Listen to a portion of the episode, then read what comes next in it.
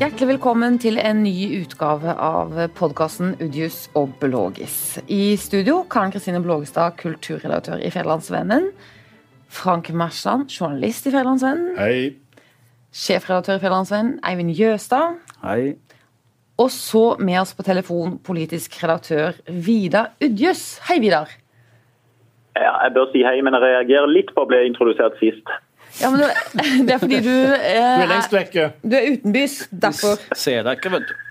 Fortell, fortell eh, hvor du er, og hva du gjør, og hvorfor du er der du er. På Gardermoen, etter å ha vært i eh, Oslo et par dager for å følge bl.a. KrF sitt landsstyremøte. De eh, har nå samling i helga for å diskutere hvorfor de gikk så dårlig ved valget. Ja, og Fortell litt hva du har hørt og lært i dag, Vidar. Hvordan er stemningen i KrF nå? Det er ganske rart. vet. Når du sitter og hører på folk som holder innlegg, så tenker du oi, disse har gjort et kjempevalg. Så eh, Flere av de som har holdt innlegg, de sier at stemninga er god, og nå skal partiet utnytte alle de nye mulighetene de har fått til å få gjennomslag for sin politikk. Og så tenker du ah, fikk ikke de 4,2% og bare 6000 stemmer mer enn eh, sperregrensa? Jo, sannelig. Men eh, samtidig så er, det, så er det, det er jo flere som, og de fleste innser jo eh, alvoret, og at de eh, virkelig må se bakover. Hva gikk galt i valgkampen, og hva kan de lære av det? Og også når de da ser framover. Men der er de da uenige. Ja, hva er det, hva er det de liksom eh, peker på når de skal eh, prøve å gjøre klart, eller gjø- klargjøre hvilke årsaker det dårlige valget hadde? De har fått utarbeidet en granskingsrapport hvor, eh, hvor mange både velgere og tillitsvalgte er eh, intervjua.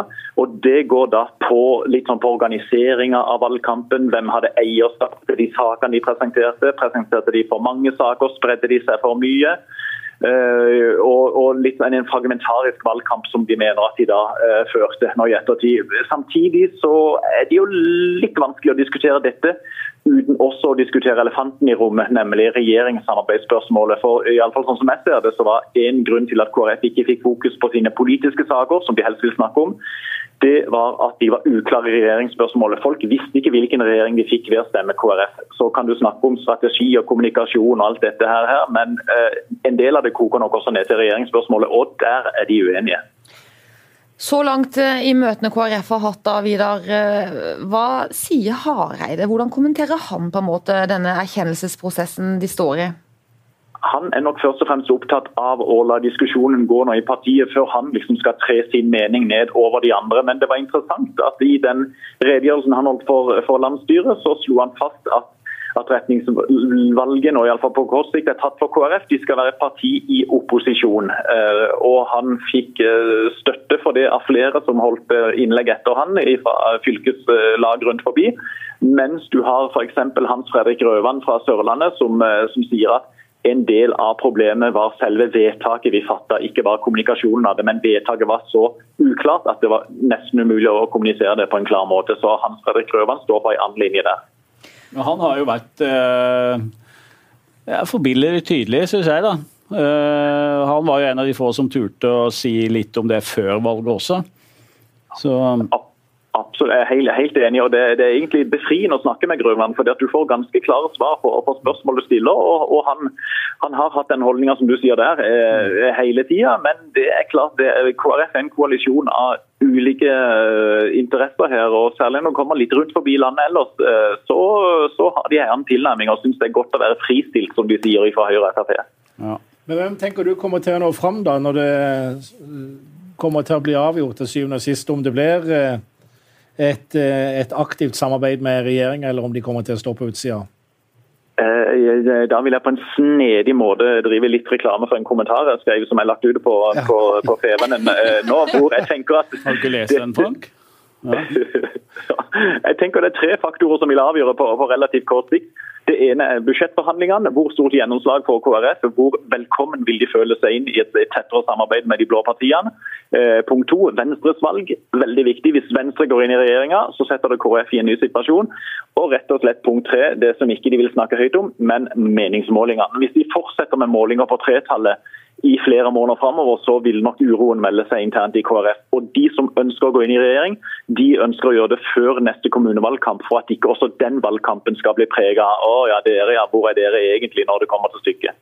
Men Vidar, veldig mye av dette peker jo eh, tross alt eh, litt tilbake på partilederen. Men det later jo til at han har ganske god standing eh, fortsatt. Og, og hvordan er det mulig? Hvordan kan du forklare det?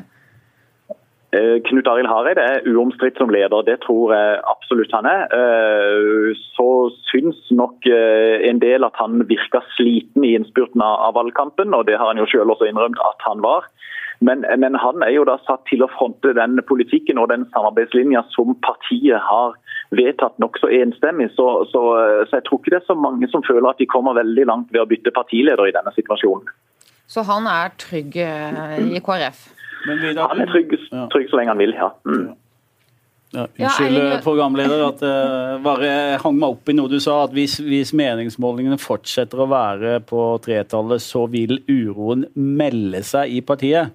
Det syns jeg var ganske forsiktig sagt. For det er vel en uro der allerede, Uh, som er ganske sterk.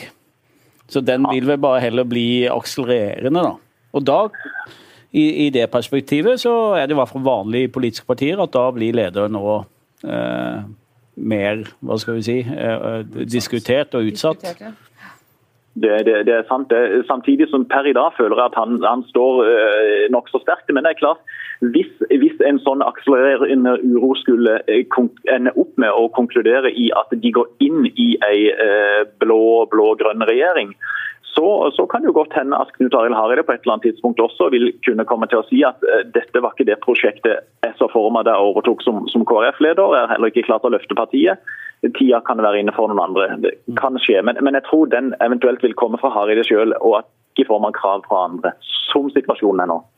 Du, Kjell Ingolf Ropstad, var han noe eh, aktiv, eller? Han, han, er veldig aktiv og veldig sentral, både som nestleder og som finanspolitisk talsmann. og Han fikk veldig eh, åtgaum, naturlig nok, av Knut Arild Hareide for, for, den jobben han har gjort uh, som finanspolitisk talsmann i de korte ukene han har hatt den. Men det er klart, han er jo en nøkkelmann på Stortinget i forhold til å få banka gjennom uh, statsbudsjettet og få en enighet om det. Så, og han, han, har en, absolutt en stigende stjerne i, i, i KrF, samtidig som han jo også har den utfordringa som Hareide har, at vi skal samle forskjellige fløyer her.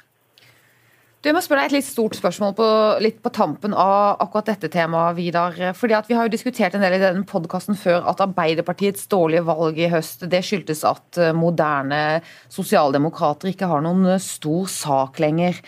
Kan man si det litt om eh, moderne kristendemokrater også? Så Hvilken sak skulle liksom KrF frontet seg veldig tungt på hvis de skulle ha samla velgere nok til et godt valg? Det er et veldig godt spørsmål, og jeg tror det er der eh, det ligger. Fordi at det er ganske lenge siden KrF hadde den ene store saken som både mange brydde seg om, og som samtidig symboliserte partiets verdigrunnlag, altså kontantstøtta.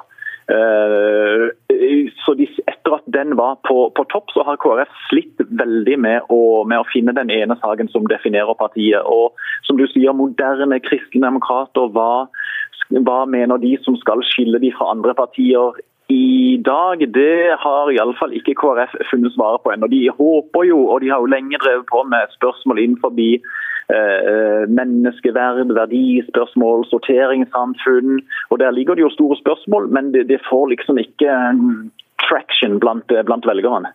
Du Frank, jeg må spørre deg, hvis, Hva skulle til for at du skulle blitt en ihuga KrF-velger? Eh, hva slags moderne KrF hadde appellert til deg? Jeg vet ikke, jeg har stemt KrF en gang. Jeg. Men du har jo stemt alt. Nei, men jeg stemte KrF da jeg var 18. Oh, ja. Eh, og jeg må være helt ærlig og si at det var muligens litt påvirka av noen familier og noen kamerater av meg på den tida der. Eh, og så har jeg politisk gått i en litt annen retning etter det. men jeg tenker KrF er et parti som eh, på den ene sida har veldig mye til felles med Arbeiderpartiet. innenfor i, altså, bare ta sånn eh, Tidligere sterke saker som avholds, altså ruspolitikk og internasjonal solidaritet, internasjonal solidaritet og bistandsarbeid osv. Så, videre. så eh, det, jeg tenker kanskje det er litt vanskelig å finne noe sånn klar vei de skal gå, for de er litt like med, med, med mange. Så det er kanskje det som gjør at de det, det ikke er noe som står så veldig ut i 2017 med det partiet. Hva tenker du Eivind? Du har jo eh, litt KrF-bakgrunn i den grad at din far har vært en aktiv KrF-politiker og også ordfører i Arendal for KrF.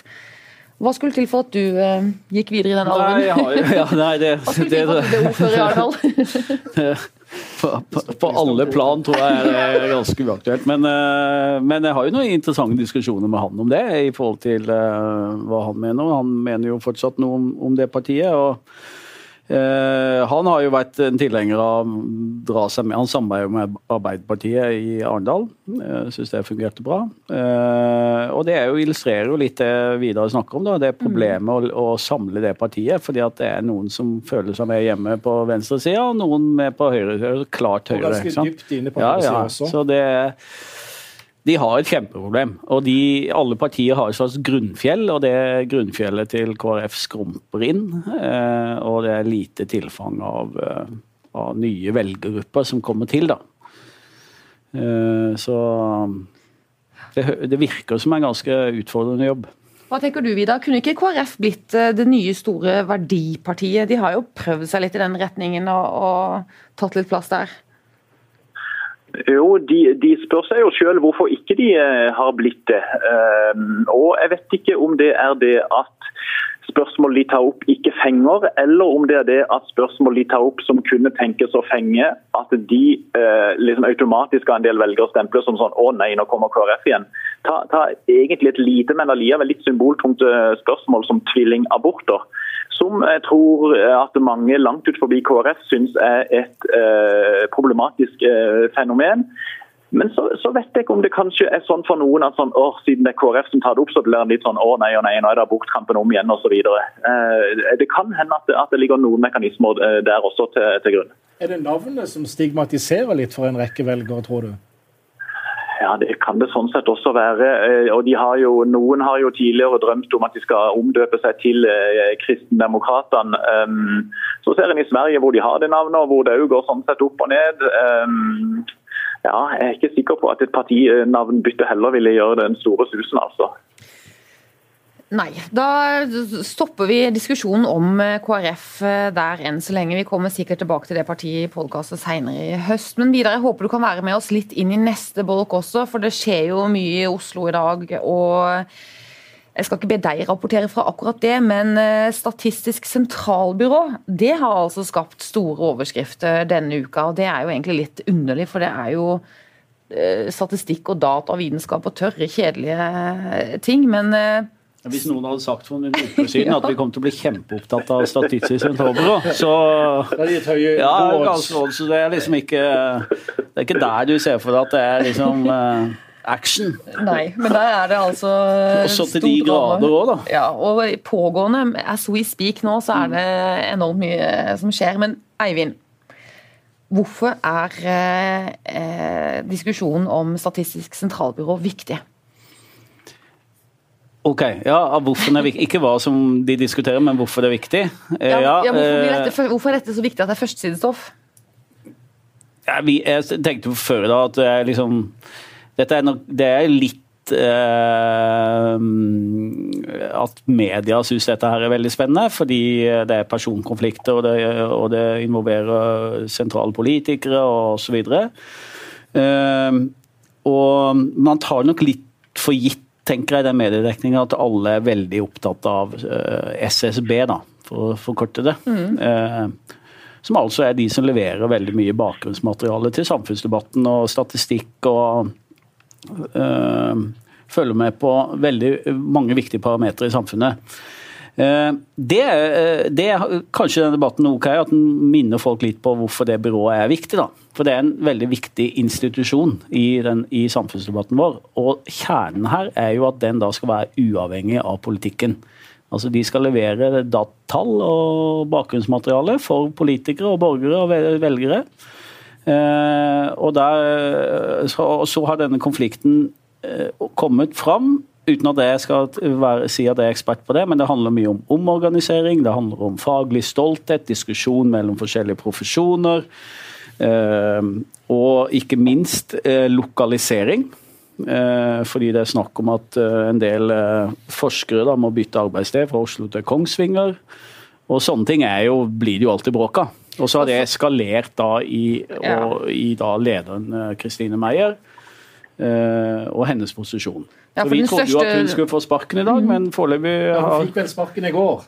Det var i hvert fall ryktet, men så har vi jo nå kontra hardt tilbake og kritiserer da Ja. eh, Når vi gikk og la oss i går kveld, så var ikke Kristine Meyer SSB-sjef ifølge norsk media. Men når vi sto opp i dag, så sa hun at hun har ikke mottatt oppsigelse og ikke levert noen oppsigelse. Men den største diskusjonen er vel oppsummering, men, Ja. men også da at det har kommet involveringer fra det politiske miljøet inn i eh, forskninga til SSB. Det er vel det som egentlig har virkelig gjort vei i vellinga her. ja, og at, de har, at eh, det påstås at de har en politisk agenda. Agenda. Det gjør jo saken ladet og betent. Og Da kommer finansministeren inn i bildet, Ja. og så kommer partipolitikk inn i bildet, og det blir ei suppe. For det må en vel kunne si at det er blitt nå. Ja, det er en eh, suppe. Jeg vet ikke, Vidar, du har jo vært litt med politiske journalister i Oslo i dag. og Er det en sånn stor snakkis i de miljøene, eller? De miljøene er det en veldig stor snakkis. Ja, altså. og, og eh, Illustrerende nok da Knut Arild Hareide holdt sin tale til landsstyremøtet i KrF. Når han da kikker rundt på pressebenken, så, så eh, sto jo PC-en og flimra hos alle på det som da skjedde nærmest fra minutt til minutt når det gjaldt eh, SSB-striden. Og Ellers er jeg enig i det Eivind sier, at det opptar ikke sant, disse miljøene veldig sterkt. Og så er det nok i stor grad uklart hvor, hvorvidt folk rundt forbi har fått det med seg, og kjernen i det hele. og så, er det jo også som alltid i sånne saker, hvem fòrer hvem med hva slags type informasjon. Når det f.eks. kom fram i DN, var det vel som hadde det først, at SSB-sjefen da tidligere har skrevet en forskningsrapport som går på hvordan eh, egentlig manipulativ ledelse kan brukes til å få fram de resultatene man egentlig ønsker ved å gå visse omveier osv. Skrev i 2009 oi, hvorfor kom den plutselig fram nå? Hvem var det som, eh, som lagt den til media, f.eks.? Så mange har ulike agendaer her. Du, men Hvis vi løfter blikket litt fra den helt sånn kjempeaktuelle diskusjonen akkurat nå, så er det jo et, litt sånn større bilde her. For at vi i media vi har jo vært utsatt for dette, denne fake news-diskusjonen i noen år nå. Eh, og vi må liksom kjempe for Hey, I'm Ryan Reynolds. At Mint Mobile, we like to do the opposite of what Big Wireless does. They charge you a lot, we charge you a little. So naturally, when they announced they'd be raising their prices due to inflation, we decided to deflate our prices due to not hating you. That's right. We're cutting the price of Mint Unlimited from $30 a month to just $15 a month. Give it a try at mintmobile.com slash switch. $45 upfront for three months plus taxes and fees. Promo rate for new customers for limited time. Unlimited more than 40 gigabytes per month. Slows. Full terms at mintmobile.com. vår troverdighet og forsvare vår integritet eh, nesten daglig. ikke sant? Og folk kan disse oss veldig lett. Altså, Veldig mange miljøer i verden over, i den vestlige verden i hvert fall, eh, tar lite for å diskvalifisere anerkjente store mediehus fordi de, med, de mener de driver med fake news. Og nå er det jo litt sånn også fake science. Som man roper i skogen får man svar. Litt sånn. Ja, Eh, ikke sant? Og Spesielt i klimadebatten har det vært brukt som et sånt, eh, en sånn diskvalifisering. da, At eh, man kan ikke tro på klimaforskere for de driver med fake science. og Man kan lese statistikk og data som man vil. ikke sant? Men her har jo SSB i Norge ei, ei veldig spesiell stilling, da. For det har jo gått for å være byrået. De får jo bestillinger, de får bestillinger fra regjeringsapparatet, de får bestillinger fra offentlige institusjoner. Og, og det, em, som du snakker om fake news i, i, i medier, så er det jo også påpekt gang på gang at forskning kan være skeiv. At det, det er jo bestillere av forskning som kanskje ønsker et resultat. og om ikke man manipulerer selve resultatet, så er man kanskje litt tydelig på hva man skal forske på osv. og hvordan. Så det er, det er jo en OK diskusjon som kommer opp her nå, men SSB for meg det, det er som du sier, Eivind. Alle kolonnene og tallene under det, det, det du ser i, i norske aviser og på nettet, er veldig ofte tallgrunnlag som kommer fra SSB. Ja, det er- og, og når det stilles spørsmål ved dette fra regjeringshold, fra en finansminister da i, syvende, til, til, i siste konsekvens. Så, så eh, Det er jo ikke første gang politikere har involvert seg i Nei, statlige jo- selskaper. men Nei, og når det jo er betente eh, samfunnsforhold som innvandring, f.eks., og hvor Frp har vært litt kritisk til dette innvandringsregnskapet Regnskapet. Frp har ikke vært kritisk til innvandringsregnskapet. De vil jo veldig gjerne ha innvandringsregnskap. Men til hvordan det eh, Ja, Også- metoden, da. Ja, altså Kristine Meyer er jo mer skeptisk til innvandringsregnskap. og Hun vil jo plassere denne forskeren som har vært kjent for innvandringsregnskapet, til Kongsvinger f.eks. Og at de skal slutte med den forskningen. Og da har du, Men uansett, poenget her handler om Ja. tillit. ikke sant? Og det der diskusjonen du dro opp i forhold til eh, at det er press på samfunnsinstitusjonene er jo uh, alvorlig, mm. men samtidig utrolig viktig debatt. Men det er jo derfor det altså vi, vi, vi må, må, ha tillit til at den forskningen og de tallene som kommer fra SSB, er uavhengig. At de er iskalde og, og uavhengige. Og skal være iskalde, jeg Ja, unnskyld. Kjør på. Nei, vær så god. Spørsmålet er er det, er det, greit at politikere involverer seg på den måten der? Jeg rekker opp hånda nå. Ja, for, bare for litt sånn ikke SSB, Telenor. Fem år siden. Harald Norvik, styreleder. Trond Giske. Det var jo snakk om en samtale på Lorry som eh, ble avkreftet i etterkant, men veldig tydelig inne der som handels- og næringsminister. Eh, og for noe som skjedde i et annet selskap med statlige røtter og tradisjoner. Er det, er det greit, eller skal de være uavhengige av politikere? Da, da, da syns jeg du trekker inn eh, noen saker som ikke er helt parallelle til denne, og som jeg faktisk ikke syns er så viktige. Fordi at jeg syns akkurat med forskningen den er hellig. altså Vitenskapen, opplysning. ikke sant? Det er store, hellige ting. Det mener jeg nesten. ikke sant? Og de har dette store, pompøse og viktige samfunnsoppdraget som også media har. Det skal som Eivind sier, være iskaldt tørt. Vi skal kunne stole på det. Det skal være helt ekstremt faktabasert. Men Mener du politikere skal holde fingrene fra det? For den, den kan ikke bli politisert. Det, det, det er litt som at en eier ikke skal blande seg i en redaktørs øh, ikke sant? Ja. Altså hvor, hvilken retning vil dra avisen. Ikke sant? Og da Poenget, jeg det... Poenget er Oslo kaller. Oslo kaller. Ja. Ja, jeg vil bare, og jeg er enig i det der sier Samtidig så er det jo politikk på et eller annet vis i alt. Og I hele etterkrigstida så har jo SSB vært sett på som en del av Ap-staten. Den forskninga som de la fram der, var jo viktige byggesteiner i etableringen og videreutviklingen av velferdsstaten. Og eh, sosialøkonomer som ofte hadde partiboka i orden, gikk til SSB og forska der osv. Så, videre. så Eh, det kan jo godt hende at det på et eller annet tidspunkt også er på sin plass med en modernisering og eh, opprydding og opprenskning i hele SSB-miljøet. Men selv kan jeg altfor lite om det til ja, det å ha sterke oppfatninger. Det var jo det dette Det tror jeg er nokså uh, nærme fakta. At ja. dette har starta med et, et, behov og et ønske om en omorganisering. Røske litt opp. Røske, ja, og hva skal, hva skal, altså En modernisering av SSB, da. Og sikkert digitalisering også. Og Det skulle man jo tro Siv Jensen heier på. Jo, og så snakka vi om Hareide i stad. ikke sant? Eh, behov for fornyelse av partiet, for konsekvenser for topplederen osv. Og, og vi, vi sa at han sitter trygt, mens i dette tilfellet så har det jo gått rett på lederen. Og så Da blir konflikten mye sterkere med en gang, fordi at øh, det som starta med et ønske om fornyelse og modernisering, har nå dreid seg til å handle mer om person og politikk.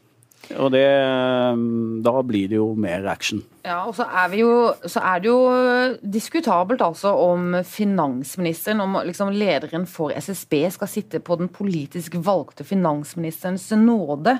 Det, det, er jo veldig skummelt. Vi må streve alle sammen for at SSB er eh, så lite politisk som mulig.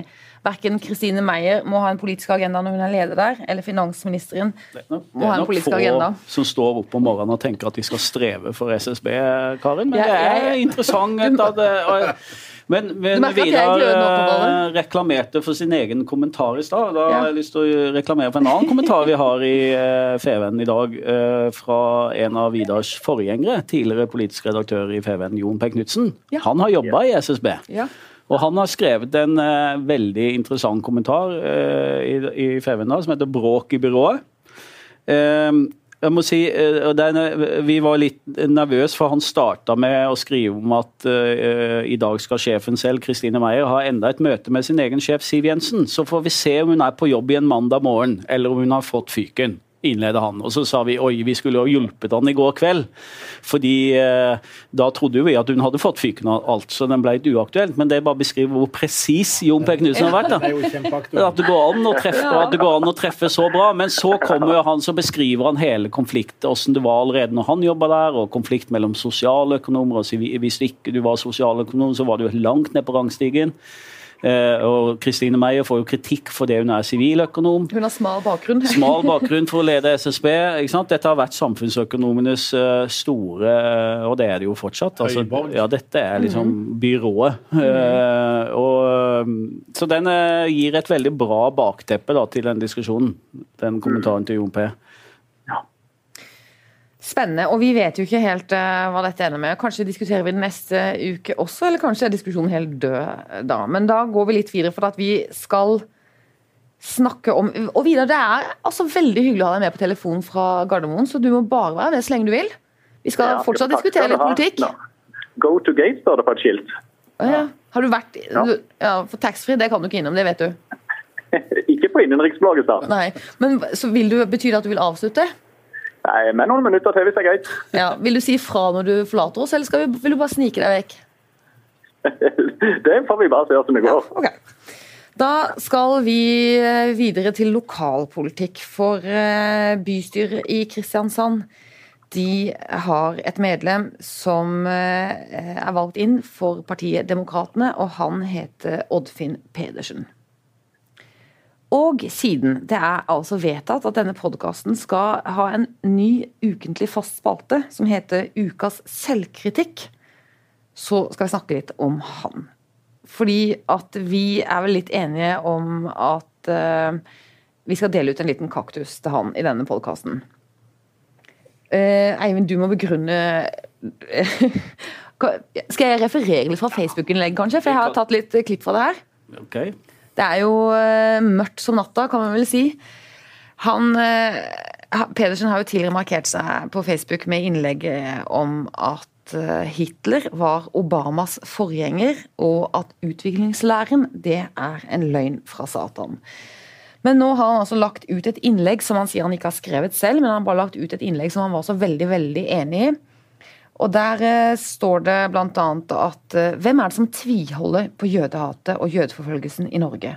Jo, nettopp Ap. Det er boikott, Israel-venn hver anledning. Støre har hatt hemmelige samtaler med terrorgruppa Hamas, og Arbeiderpartiet har gitt milliarder av kroner til terrorgruppa Hamas for bl.a. å lønne palestinske terrorister i fengsel for å ha drept jøder.